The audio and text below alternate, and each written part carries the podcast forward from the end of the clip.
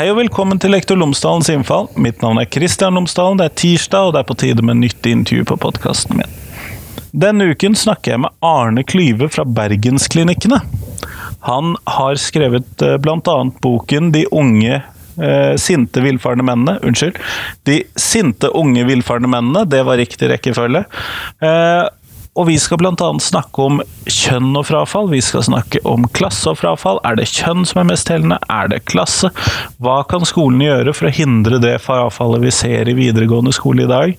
Eh, vi ser på koblingen opp mot rusfeltet. Vi ser på hva som får folk til å falle utenfor i det velferdssystemet som vi har i Norge i dag. Dette tror jeg blir veldig spennende. Her får du intervjuet, vær så god.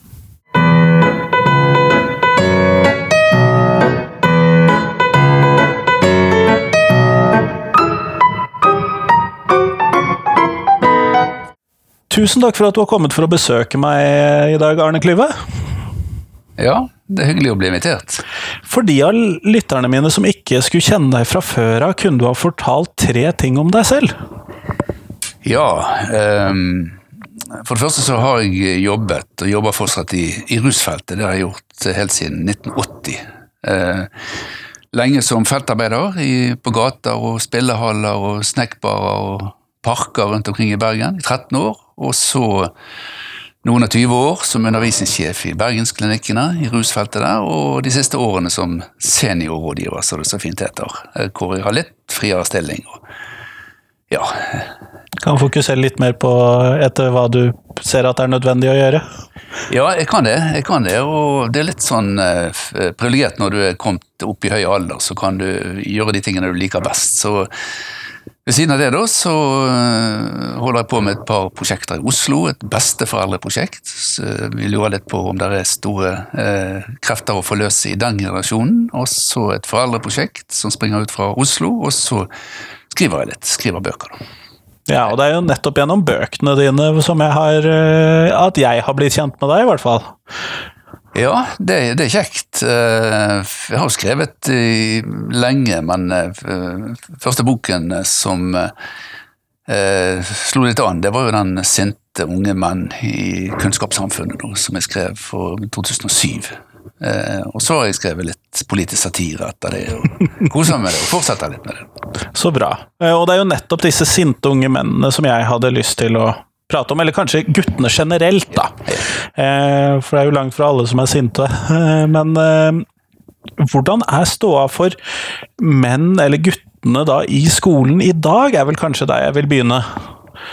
Ja, jeg tror altså Hvis du ser på det gutter flest, altså, så er jo det er ikke så store forskjeller på jenter. Altså det, det ser ut som det viktigste forskjellen er liksom hvordan, hvordan, du har det hjemme. Eh, altså Middelklassens gutter gjør det fortsatt ganske bra i skoler og sånt. De, de, jeg er spesielt bekymret for det er jo de guttene som før kunne gå til maskuline jobber.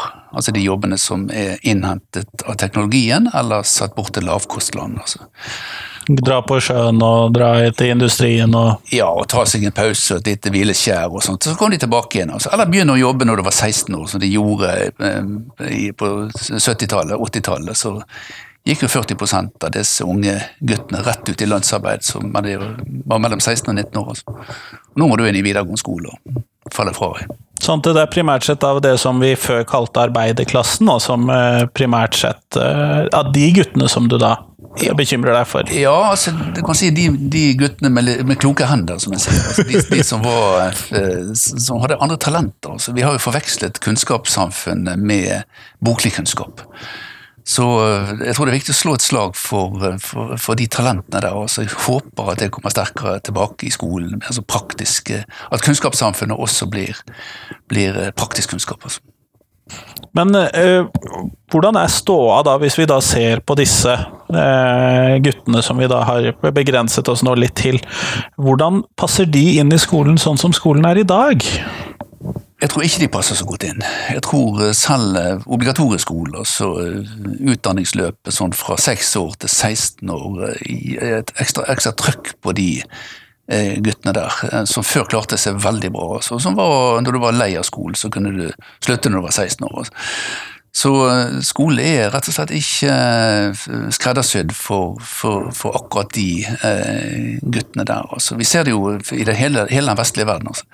Dette er jo ikke bare i Norge, dette er et vestlig fenomen hvor hopetallet av gutter faller ut. Og noen av de resignerer, eh, og det er kanskje vel så stort problem at en rett og slett trekker seg tilbake, og noen blir eh, sinte, og, eh, og eh, noen hevner seg eh, på, på samfunnet. Ja, det, det, tror jeg vi skal komme litt tilbake til. Uh, dette med i hvert fall med hevningen og sånn.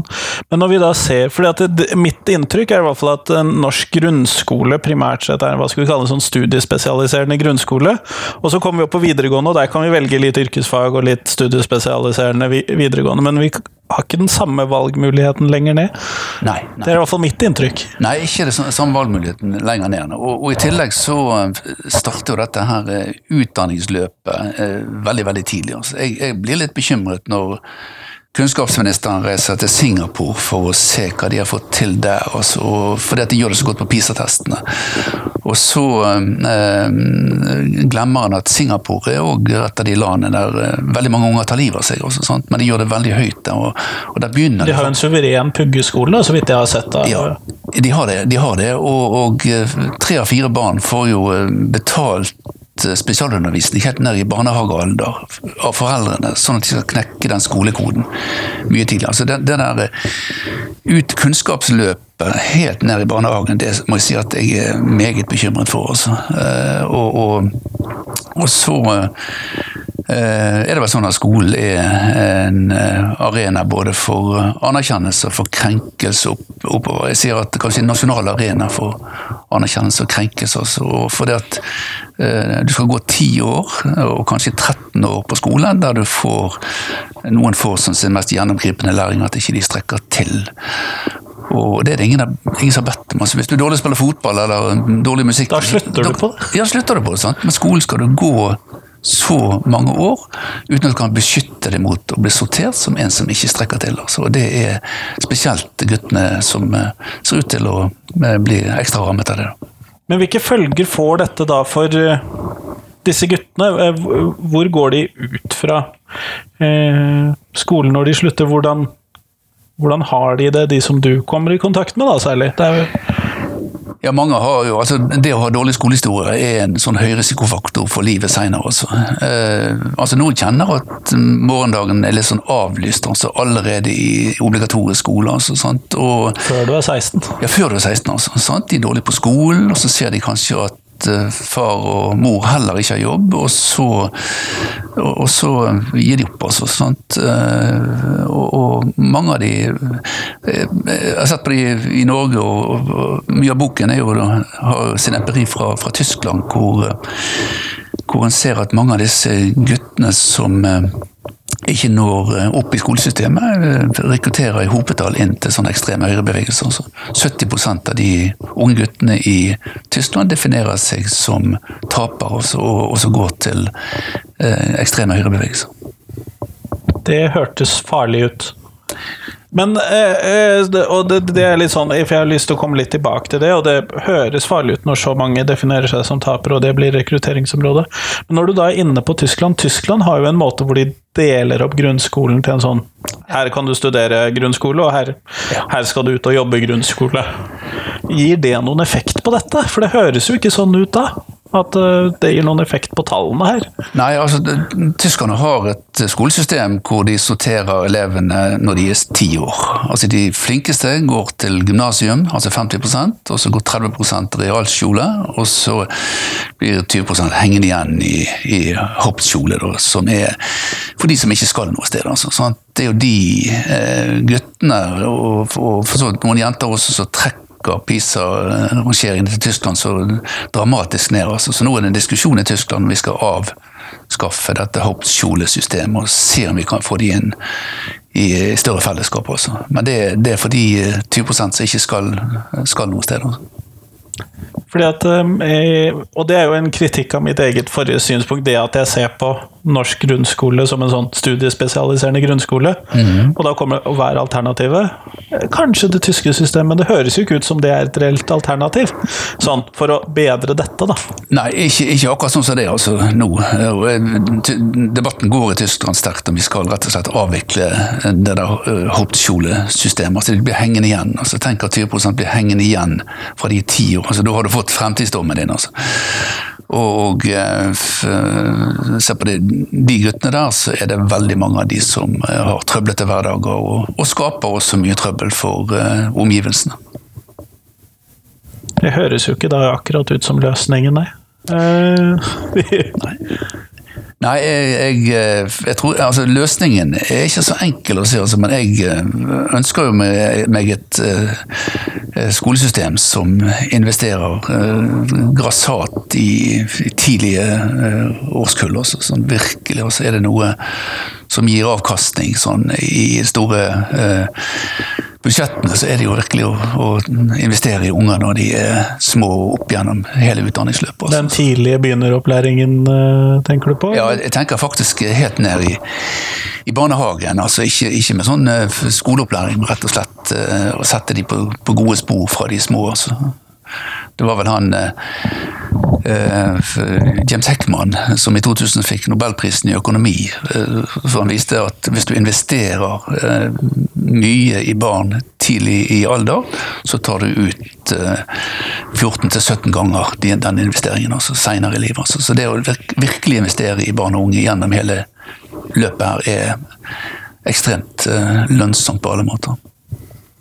Men disse som da går ut resignerte, og du sier at de rekrutteres, i, i hvert fall i Tyskland, i veldig stor grad til disse mm, eh, ekstreme høyrebevegelsene. Eh, og i Norge så har vi jo eksempler med mm, Anders Behring Breivik, som nok også kan sies å ha havnet i den samme gruppen. Um, er det noen andre sånne trender vi ser for disse guttene? Nei, det er jo, altså, det er jo en, en prosess altså, fra sånn delvis marginalisering. Så, sånn, fra du, du, er, du har vært ute av lønnsarbeid eller skole eller tiltak i ett år, da er du delvis marginalisert. og der er Den gruppen er ganske stor. Altså. Og så hvis du har vært ute i tre år, eh, så er du definert som marginalisert, altså. Og med fare for å havne i permanent utenforskap. Altså. Og det er en trend i Norge, og det er en trend ikke minst i andre vestlige land, hvor det hoper seg opp med den, den type gutter i drabantbyer og i bydeler rundt omkring i Europa. Ja. Gutter uten, så, som ofte uten nevneverdig mål, uten nevneverdig arbeid, uten nevneverdig Ja. Og som er lite attraktive på arbeidsmarkedet etter hvert, og lite attraktive også på kjønnsmarkedet, for det er jo ingen ung fremadstormende kvinnene som ønsker seg en parkert gutt uten utdanning altså som, som kjæreste eller Nei, det høres jo ikke veldig fristende ut. Nei, altså du taper på, på flere områder, altså, sant? og da har du så lite igjen å miste. Altså. Så det, det er jo så farlig å la noen vokse opp uten at du har noe å miste. Altså. Eh, sant? Og, og det er jo ikke alle som blir sånn som eh, Bering Breivik eller eh, andre som har eh, gjort grufulle ting. Også. Men, men sånn, klart, klart det, er, det er nok en del som tenker seg eh, å, kunne hevne seg, også, men de aller færreste gjør det jo. Og det, det er jeg litt sånn bekymret for. altså sånn Skolen er den arenaen som er tydeligst i disse nederlagene. Altså, hvis eh, vi får litt sånn utvikling som du har sett i både Finland og Tyskland og USA, med at en hevner seg, går tilbake til skolen altså, og, og gjør dramatiske ting. Altså? Det, det kommer ikke ut av ingenting. Altså. Så jeg mener vi skal stelle oss godt fremover nå, sånn at vi unngår å få første skolemassakren i Norge i 2024 f.eks. Hvordan skal vi stelle oss i dag for å redusere den sannsynligheten? Også? Og, det er også ting vi må diskutere. Sånn, Dette handler om samfunnsøkonomi, og det handler rett og slett om å begrense voldshandlinger i fremtiden. Da. Og det handler om eh, liv og depresjoner og selvmord og Det handler om, ja, det, det, altså det, og Da må man se disse tingene i en større sammenheng, tror jeg. Altså, det er ikke noen fikse metoder for, for å løse dette. Altså, det, det, jeg tror vi må se forskjellige kunnskapsområder i sammenheng. Altså. Jeg syns det er rart at det så mange som sliter i Norge når vi har det så materielt godt. Altså, hvor, hvorfor har mange det så vondt når vi har det så godt i Norge? Eh, eh, og da tenker jeg sånn eh, Vi ser det blant gutter, og vi ser det også blant jenter i de siste ungdatatallene. Altså hvor mange, altfor mange jenter sliter med nedstemthet og, som grenser over til depresjon. og sånn. Hva er dette for noe? Eh, hvor kommer det fra? Er det skolepåført? Eller er det noe med samfunnsutviklingen? Der alt skal være så nyttig og effektivt og travelt hele tiden, og så stiller vi Det skal gå litt i slag i slag i slag. Ja, ja. Altså sånn, vi, tenker, vi trenger de store samtalene om dette, og ikke tenke at skolen kan løse dette alene. Altså Skolen speiler jo samfunnet ikke sånn direkte. altså Det er veldig vanskelig å se det, men på en indirekte og litt kompleks måte. Og de samtalene tror jeg vi skal eh, ta oftere, og litt sånn opp i helikopterblikk og se på hva er det som skjer. altså Hvorfor, hvorfor går det sånn med en del gutter? Kan vi eh, vri dette, eh, denne retningen, og, og, og hva trengs? Så det kan vi snakke mer om. altså. Litt interessant i den samme sammenhengen er jo også det, for vi ser jo den rekrutteringen du snakker om til ytre høyre, er jo den samme rekrutteringen vi også ser til uh, islamistiske bevegelser, eller Ja. rekruttering til IS i Syria og fra Norge. Ja, ja. Det er jo de samme guttene. Ja, det er de samme guttene, og alle, altså et felle, alle trenger et fellesskap som tar vare på dem. Altså. Det å komme inn i et sånt fellesskap er bedre enn å ikke være noe som helst. Altså. Og så jeg tenker jeg at det, er noen mønstre i dette. her. Altså. Vi får veldig ofte de ungdommene vi fortjener, altså, sant? tenker jeg. Altså. Eh, Du kan ikke si det direkte til en mor og en far at du får de barna du fortjener. Men på samfunnsnivå på samfunnsnivå så er liksom hvordan unge mennesker har det, et barometer på hvordan vi har tatt vare på folk. Altså. Og, og det er mye å ta fatt i i Norge, altså. selv om eh, må jo si at eh, norsk skole er grunnleggende sympatisk, og det er mye eh, inkluderende omsorg og, eh, og sånt, men det er noen som strever. Og, og, som vi ikke helt når frem til. ja, som ikke helt når frem til, og, og eh, noen som eh, skader seg sjøl, og, og alt det der er jo uttrykk for et eller annet. Eh, Så istedenfor å stille så mange diagnoser på tiden, eller, eller på, på, på enkeltpersoner, så burde vi stille mer diagnoser på den tiden vi lever i. Også. Og jeg holder på å skrive en bok nå som heter Samtidsdiagnose, da, sammen med to kollegaer. Og vi eh, syns det er rart at du har 430 diagnoser på, på enkeltfolk, eh, på strev folk har, og så har du veldig få på tiden vi lever. Altså. Det hørtes nyttig ut. Når du sier dette med at vi at alt skal bli så effektivt osv. Og, så og det fikk meg til å tenke rett og slett på dette med at, man, eh, at vi gjentagende får den debatten når vi skal legge ned f.eks. folkehøyskolene. Ja. Eh, for de er jo ikke nyttige. Nei, sant? Tenk deg for en, altså en rar tenkning, altså nyttig. Tenk, tenk hva folkehøyskoler har fått noen, også skoletrøtte, til å ta, ta et skritt tilbake igjen og samle seg litt. og komme på offensiv. Læring var gøy igjen. Læring var gøy igjen, og det var et mangfold av eh, muligheter, talenter, som ble forløst fordi at ikke det var dette eh, trøkket på prestasjoner og sånt i folkehøyskoler. Jeg tenker det er noe som er kortsiktig og uklokt prioritering, så er det å legge ned og redusere muligheten for folkehøyskoler. Altså. Eh, nå har du ikke så mange muligheter etter skole. sant? Eh, Nei, det, den der sjøfarten har forsvunnet, og Ja. fabrikken har vel, som du sa, flytta til Kina. Eller, Ja. eh, og da er det jo ikke så mange sånne Og butikkene har sluttet å ta inn folk under 18 år. Ja, de, ja, de har det. Altså, det er også sånt. Og nå fjerner de jo de som sitter i kassen òg. Altså, sånt. De gjør det hele tiden terskel. Hva, hva samfunn er det vi lager oss når ikke du skal møte folk i, i kassen lenger? Altså, sånt, eh, så du kan si god helg til, og kan jeg få en pose av deg, og slike ting. eh, Sant? Nå skal alt skannes inn. Altså, jeg er, I den grad jeg skal si noe også om meg sjøl, så er jeg litt sånn uh, analog i, i, i og, og slår et slag for noe gammel teknologi også. Jeg er jo veldig digital i stort sett alle måter, men jeg ser samtidig en eh, viss bekymring at i hvert fall et bortfall av arbeidsmuligheter for de som ikke skal gå på universitetet. Ja, ja. Og tenk om vi kunne bruke ny teknologi da, til å få flere inn, istedenfor at den nye teknologien nå uh, sannsynligvis vil brukt av de de som har makten over han, til å skubbe folk ut i magen og ut i ytterkanter. Så det, det tenker jeg sånn, også en svær debatt fremover. Hvordan skal vi bruke ny teknologi? Altså fordi at dette kan jo ikke, Det er en sånn megatrend, altså teknologisk utvikling. Sant? Det, det kan vi ikke liksom Den forsvinner ikke. Den forsvinner ikke, sant? Det, det har jeg skjønt òg. Men, men, spørsmålet er jo hvordan skal den brukes til de store fellesskapenes eh, interesser. Så der eh, er det også mange viktige debatter. Men sånn som jeg da hører deg, så hører jeg jo det at eh, man kommer for sent inn, det blir for mange eh, ikke-mestringssituasjoner på Eller feilingssituasjoner på eh, grunnskole- og også barneskolenivå, og man oppfatter at man dette fikser du ikke. Og så har vi samtidig mistet de arbeidssituasjonene som kommer etterpå. Ja. Og man sjalter ut stadig flere arbeidsplasser. Ja, ja det, det, er jo mønsteret. Altså, å lete etter effektivis effektiviseringsgevinster, lete etter små muligheter for å gjøre dette både fortere og raskere. Og, og jeg tenker sånn, Av og til kjenner jeg lysten på å slå et slag for litt ineffektivitet og langsomhet og sånt. og Kanskje en av grunnene til at jeg også startet med dette besteforeldreprosjektet. Altså, for jeg tror at besteforeldre kan være de som ja, inviterer til litt sånn digitalt måtehold og, og ja, historieforteller og sånt.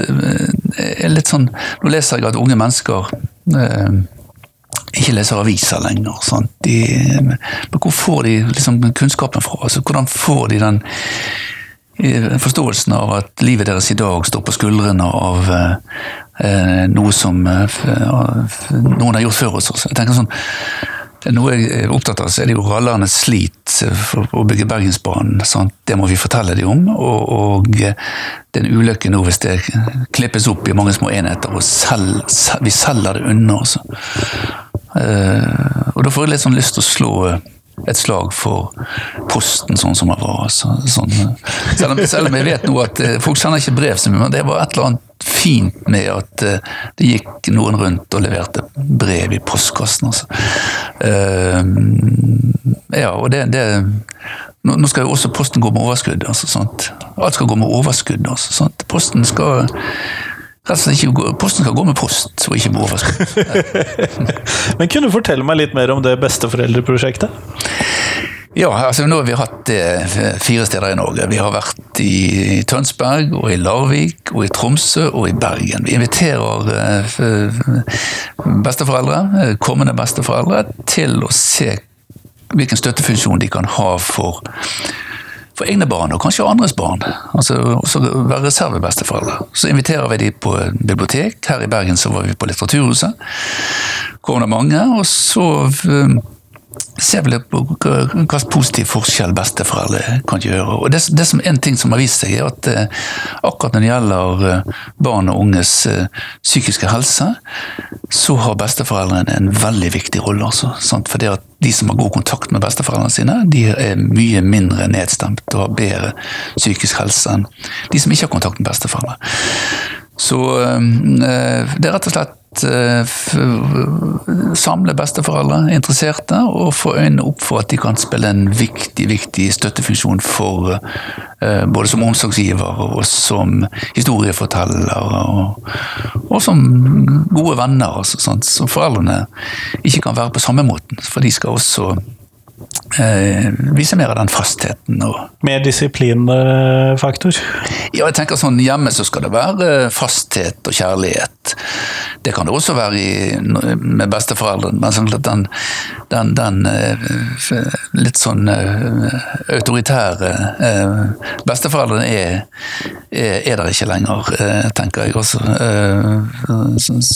Så, så, så, Mine barn er vant til noe som heter besteforeldreregler, og det er en del mer friere enn foreldreregler, i hvert fall. Ja, at du kan gi litt slakk og sånt. Og det, sånt de skal jo vanligvis pusse tenner hos besteforeldre og, og sånne ting, så de får ikke lov å hoppe i sofaen hvis de Det, er jo besteforeldrenes regler som gjelder det, men det, er litt, det gir en mer slakk, og det gir også en del muligheter og, til å senke skuldrene og, og få opp trivsel. Og, og ja. Hvordan kom du inn i dette feltet med disse sinte unge mennene, egentlig? Jeg, hører jo en viss kobling til rusfeltet, men eh, Ja, jeg, jeg, tror det var, jeg tror vi må tilbake til 1980, for da kom det en stortingsmelding om utdanning og arbeid i 1980, som het faktisk Utdanning og arbeid, og den problematiserte hvorvidt skolen nå skulle påta seg det ansvaret å utdanne fremtidige, de fremtidige arbeidsledige. For da var det, når en kikket i krystallkulen i 1980, så så en at en god del jobber ville forsvinne. Også. Og så diskuterte skolen skal vi påta oss det ansvar og eh, utdanne de fremtidige arbeidsledige. Eh, som innebar masse etiske spørsmål og ja. Men, men eh, Tanken var da at hvis vi lærer de å trives bedre og orke seg sjøl bedre, så vil de også ha noe å miste. Altså, så, så, det var vel egentlig der eh, det dukket opp. Og så har jeg jo da jobbet med sinte unge menn som feltarbeidere ute på gaten. Altså, sånn, sett mange talenter som Uh, unge gutter som kunne stjele en bil på 40 sekunder. og sånt. Det var en fingerferd. Det er jo et talent. Ja, Vanvittig talent. altså. Så tenk at de tør, både tør det, og at de får det til. altså. Sant? Og visste akkurat hvordan de skulle koble. og, og så, så, tenkte jeg, eh, Kunne jeg fått noe av den uh, de talentene som var litt på villspor til å uh, bli brukt til noe. Så, så, så, merket jeg at når jeg fikk kontakt med disse, så, så var det mange fortellinger fra skolen. Altså, hvordan de har følt seg litt sånn krenket fordi at de har ikke helt fått det til. Altså. Uh, så, så betød at når jeg var i rusfeltet, så fikk jeg løftet blikket litt og tenke mer sånn forebyggende. Hvordan kan vi stoppe disse unge guttene på vei inn i problemskapende hverdager? Hvor rus og kriminalitet kan være en del av det. Altså. Uh, og det var vel der det egentlig oppsto. Altså. Fordi at jeg tenker at uh, Jeg tilhører jo den gruppen lærere som mener at man det gjør nok veldig mange av oss, som mener at vi må få en økt eh, tilrettelagt opplæring tidlig for de som holder på å falle fra ja, eh, ja. i skolen. Men eh, jeg har ikke tenkt så tidlig som barnehagen ennå, det har jeg ikke. Skal bare si at I barnehagen altså, noen, En sånn høyrisikofaktor blant gutter og jenter, det er jo savn av positiv maskulinitet. Også. Sånn I barnehagen er det 10% menn. I barneskolen er det 20% menn. Så flere rollemodeller ja, tidlig? Jeg tror det. altså. Det, noe av det dumme vi gjorde, var jo å ta vekk vaktmesteren på skolen. Altså. Vaktmesteren med sitt direkte snakk som kunne gi beskjed. Og det forsto jo også disse guttene som ikke kom fra snakkehjem når de var, når de var små. Sant? Hvis du var for lenge ute på skoleplassen, så sa vaktmesteren 'kom deg inn i klasserommet'. Sånn, I dag har mange gått på kurs og lært seg å snakke litt sånn indirekte og litt sånn forsiktig. Så jeg savner, jeg slår et slag for vaktmesteren og den positive maskuliniteten. Hvor, fra et praktisk yrke, hvor eh, gutter gjerne, når det var et eller annet som som blinket opp i taket og en lyspære som skiftet, så hentet de frem gardintrappen. Så fikk de lov å, å stå litt i gardintrappen og hjelpe til litt og se en praktiker i, i hverdagen. Altså. Så, så um, i hele tatt uh, positiv maskulinitet inn i tidlige liv for unge gutter og jenter. Bare det å kunne se i barnehagen at en mann og en kvinne snakker fornuftig med hverandre. Altså, det er ikke alle som har, har sett det hjemmefra. Altså. Uh, ja, da, da må uh, da må det yrket tilbake. Altså. Det er to grupper jeg virkelig savner i skolen i dag. Altså. Det er vaktmestrene, og så er det helsesøstrene. Altså. Uh, og det kan jeg gjerne si litt mer om seinere. Eh, ja, du kan egentlig få lov til å hoppe direkte dit. Jeg tror også at eh, sånn for et rent sånn vedlikeholds- og samfunnsøkonomisk bit, så ville det vært glimrende i tillegg å ha vaktmesteren tilbake. Ja. Stasjonert, som da hele tiden gikk rundt og fikset ting, og som ofte var miljøarbeider i tillegg, og, som du sier. Men uh, helsesøstrene, hvorfor trekker du nettopp fram helse? Nei, fordi at det, det store bekymringstrekket vi nå avleser i ungdatatallene, senest i 2017, det er at veldig, veldig mange, uh, opptil 70% av jentene, uh, strever, strever, med nedstemthet i videregående skole. Altså. Og i ungdomsskolen så er det Eh, ikke så høyt, altså, men det er altfor mange, én av tre eh, nesten, som strever med nedstemthet. Eh, og mye av det grenser opp til depresjon. Altså. Det kan godt være at de depresjonsdiagnosene sitter for løst. Altså. Det, det, kan vi jo gjerne diskutere også. Men det er mange av de som sliter? Mange sliter, og, og du har fått et veldig prestasjonstrykk. Og det er krevende for meg. Da tenker jeg å ha en sånn ventil som en helsesøster i skolens støtteapparat tilstedeværende, hvor du kan få lov å ta litt av dette når det er der, og ikke måtte vente i tre uker på at noe helsesøster er innom noen timer på skolen. Så, Så du må, du må, være der. Og uh, akkurat som de som er vaktmesteren, så må du ha et kjærlighetsforhold til den skolen du jobber på. Så ikke sånn ambulerende tjenester som uh, løper litt her og litt. Fast tilhold med de samme Fast tilhold. Det ville svart seg altså Hvis du kan sette ett liv på sporet her, altså, så kan du spare 17 millioner kroner. Altså.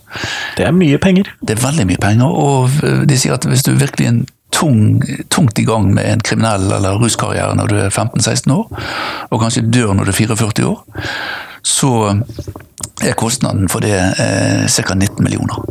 Eh, I form av fengselsopphold, institusjonsopphold, diverse spesialsk... Altså alt det du kan legge inn i et sånt regnestykke. Altså. Tenk om du kunne bruke de to millionene for å sette den gutten på 11 år på sporet veldig tidlig. Også. Og kunne spart 17 millioner. Eh, I tillegg så er det jo sånn at hver ung som strever, har syv andre rundt seg som også får livet sitt forstyrret. Altså. At En lillebror i tredje klasse der er en bestemor som ikke får sove. Så kan du lage regnestykker på det òg. Det er formidabelt lønnsomt på alle måter å trå til når du ser tilløp til vanskeligheter. Og de oppstår veldig tidlig også. Noen av de oppstår i barnehagen også. Og dermed så trenger man da noen som utover lærerne, som da også kan se disse i skolen. Ja, så kan avlaste lærerne. Også, lærerne er uh, for mye alene med for, for, mange behov, tenker jeg. Så noen som kunne avlaste. Dette er for stort for meg. Sant? Uh, før han nå straffer seg ut av skolen, før vi er nødt til å liksom, vise han bort, så, så, kan noen gå tett på han. Også. Og det, det hadde vært så lønnsomt. Også. Men det er akkurat som med vedlikehold. Vedlikehold har jo sånt eh, 30 års perspektiv for seg. Litt, litt, sånn har det også med barn og unge. Altså. Du må tenke modig. Det vi investerer her, det tar vi ut mye seinere. Altså. Det du setter inn på den kontoen der, den gevinsten henter du uh, kanskje om 20 år. Altså. Det er litt vanskelig å se disse gevinstene som man da får på lang sikt, da. Ja, altså Politikere har vanligvis fire års horisont på arbeidet sitt. Sant? De skal gjenvelges og sånt. De snakker om forebygging, men forebyggingen har Eh, det, det, kan si det fra minus ni måneder til 19 år er forebyggingsalder. ja. Og det du setter inn der da, gjennom utdanningsløpet, tidlig barnehage og sånt, ja, det tar du ut seinere. Altså. Men det regnestykket får du aldri sett helt skikkelig, altså, for du vet jo aldri hvordan det vil gå med folk. Altså. Nei, det blir jo litt kontrafaktisk historie. Her kunne det gått skikkelig dårlig, og det ville kostet så og så mye av det. Ja, ja. Det er sånn det er. Altså, og noen eh, som det skulle gått dårlig med, går det jo av og til bra med òg. Men veldig mange av de som strever i dag, når jeg ser inn i rusfeltet, altså, veldig mange av de som har tung rushverdag, har vært synlige langt ned i barneårene. Altså. Så det, det, er ikke, det rus rammer ikke blindt. Det er ikke noe sånn som meslinger. Altså. Det er sånn, hvis et øvet blikk i barnehagen vil se at den gutten der sannsynligvis vil streve hvis ikke vi trør nok til noe. Altså. Uh, og så, altså Derfor burde jo også barnehagen blitt bemannet med masse både menn og kvinner altså, i, i, i, i, godt lønnet også, tenker jeg. Altså. Uh, det skal jeg ikke si meg uenig i. Eh, når vi nå går mot slutten av podkasten, så har jeg selvfølgelig et spørsmål som jeg stiller til alle. Du skal rett og slett få lov til å bli skolediktator. Så Arne Klyve, om du fikk fritt budsjett, fritt mandat til å gjøre noe med norsk offentlig skole, hva ville du gjort da? Ja, det, det, er mange ting, og da ser jeg helt bort fra kostnader og sånt. Men, ja, ja, selvfølgelig. Ja, ja. Men jeg, jeg, tenker sånn et, et, et varmt måltid for alle, altså. Eh, det ville fått opp både konsentrasjon og jeg tror det ville vært altså Det er vel nok erfaringer nå, både nasjonalt og ikke minst fra Sverige, som sier at det, det øker konsentrasjon, og det er bra, og det er bra for folkehelsen. Altså. Det ville kostet mye penger. Og særlig for barn fra hjem med litt sånn, hva skal vi kalle det, ustabil eh, Eh. Ja, ja, ja sant. laget et måltid der. Et varmt måltid for et høydepunkt. Altså. Så, så det, det, tror jeg eh, eh nok ville kostet, men eh, det kunne en tatt seg råd til. Altså. Igjen så ville vi hentet gevinsten seinere. Altså. Um, så har jeg lurt veldig på dette med uh, skoleuniform. Altså, jeg jeg er nesten både for det og mot det, men, jeg, men sånn, jeg, jeg, tenker at det ville tatt vekk en del av dette voldsomme uh, utsidetyranniet som det er på folk. altså Det å kle seg i merkeklær og sånt. Jeg vet ikke hvordan det skulle se ut. altså. Ikke som i England. Det måtte vært noe finere. Uh, det måtte vært noe finere, Men sånn, kanskje det kunne fått enklere start på dagen for foreldre. Der kanskje barna lurer fire-fem ganger på hva de skal på seg den dagen, og skifter og, og slike ting. Altså det, det vil også kostet en del. Altså. Men, det, men, de viktige tingene er nok å øke lærertettheten. Altså. Sånt, eh, så, så sier, nå er det nettopp forskning på at det gir ikke noe bedre karakterer. Sånt, men det, det, det var jo en senkning på bare to elever i hver klasse, da, sånn at man ja jeg tror ikke vi lærerne forandrer opplegget på bare to lærere. Nei, nei sant. Uh, men det tror ikke jeg heller. Men jeg, jeg tror at å få inn den, altså det, det, å kunne være flere som så disse små behovene, og kunne tatt seg av litt sånn spontane ting som skjedde. og sånt. Karakterer er ikke alt? Også. Karakterer er ikke alt, altså. Nei. nei. Det gagns menneske er vel uh, like viktig i dag som det har vært. altså. At kom, de kommer ut med rak rygg, og så tenker du kunne få alle ut med rak rygg fra obligatorisk skole. Og, og, ja. Så det, det, tror jeg at den tettheten, og også andre profesjoner inn, vil eh, en, en, god del. Så slår jeg et slag både for, eh, for, boken og for god teknologi. Altså, først skal teknologi inn i skolen, så må det være tilgjengelig. Også. Sånn, ikke sånn at den konkurrerer hele tiden. Altså. Det òg. Og så Eh, også boken. For det er såpass mye forskning nå som sier at det er kanskje et større læringsutbytte hvis du sitter For å kunne begripe noe, så må du gripe fatt i det, sier noen. Også, for å kunne bla i det og sånt også. Ehm, jeg er litt redd for at vi kanskje om ti år eh, ser ting som vi burde sett i dag i forhold til konsentrasjon, og sånt, fordi at det er så flyktig så mye. Altså. Og så blir du såpass forstyrret. Så medieforskere sier òg at de, når de har vært en hel dag på jobb og er inne på sommer, så er det vanskelig å gå hjem og konsentrere seg om en bok. Altså. Sånn, ja. Så et slår, slår et slag for eh, for både skriftkultur og, og boken. Også, sånt, eh, uten at det nødvendigvis koster så mye. Også. Kjempeflott! Tusen takk for at jeg fikk lov til å prate med deg. Takk for meg.